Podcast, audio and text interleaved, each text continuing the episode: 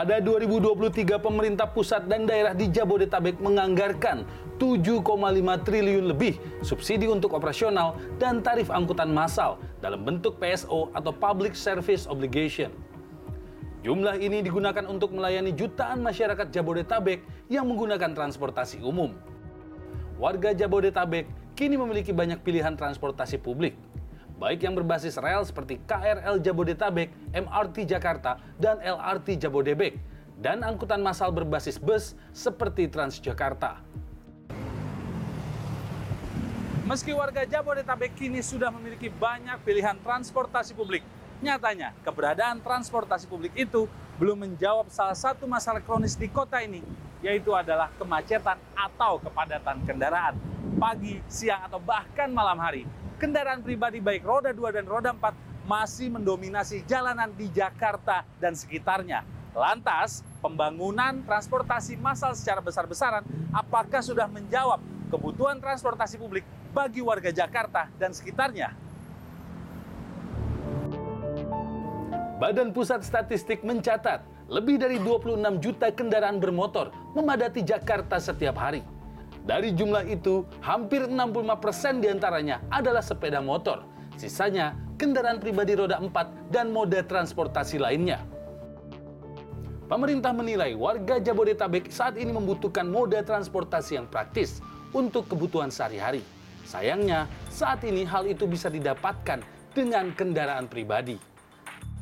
Transportasi publik di Jakarta sebenarnya cukup banyak diminati, baik dari yang tarifnya tergolong murah seperti KRL dan Transjakarta maupun jenis transportasi baru dengan tarif yang tergolong lebih mahal seperti MRT dan LRT. Namun berdasarkan data Dinas Perhubungan DKI Jakarta 2019, penggunaan angkutan umum di Jabodetabek baru mencapai 21,7 persen atau sekitar 5 juta orang.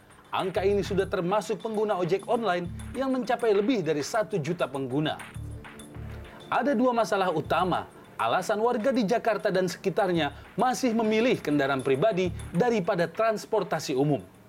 Kalau sekarang yang dibutuhkan itu adalah harus terintegrasi terlebih dahulu. Kenapa? Karena angkutan umum itu kalau tidak terintegrasi dari sisi uh, koordinasi antar moda, tidak terintegrasi dari sisi tarif, dia menjadi sulit dan mahal.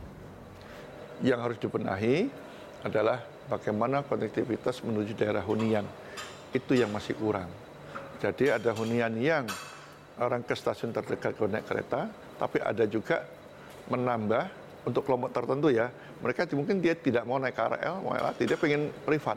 Ya sudah diberikan angkutan bus tadi dari kawasan huniannya, elit ke pusat kota. Dengan tarif yang mungkin PP 50 ribu masih dia masih masih mau. Jadi ada dua model kan, ada yang angkutan massal, ya untuk menangkapi kelompok tertentu dia nggak mau itu sediakan aja yang eksklusif Tarif yang terintegrasi bisa menjadi solusi untuk menarik minat masyarakat agar mau menggunakan transportasi publik. Dengan cara ini masyarakat bisa lebih dimudahkan dengan satu tarif dan satu kali bayar saja untuk menggunakan berbagai moda transportasi. Kementerian Perhubungan menyebut wacana ini sudah mulai dipikirkan dan akan menjadi pembahasan dalam beberapa tahun ke depan.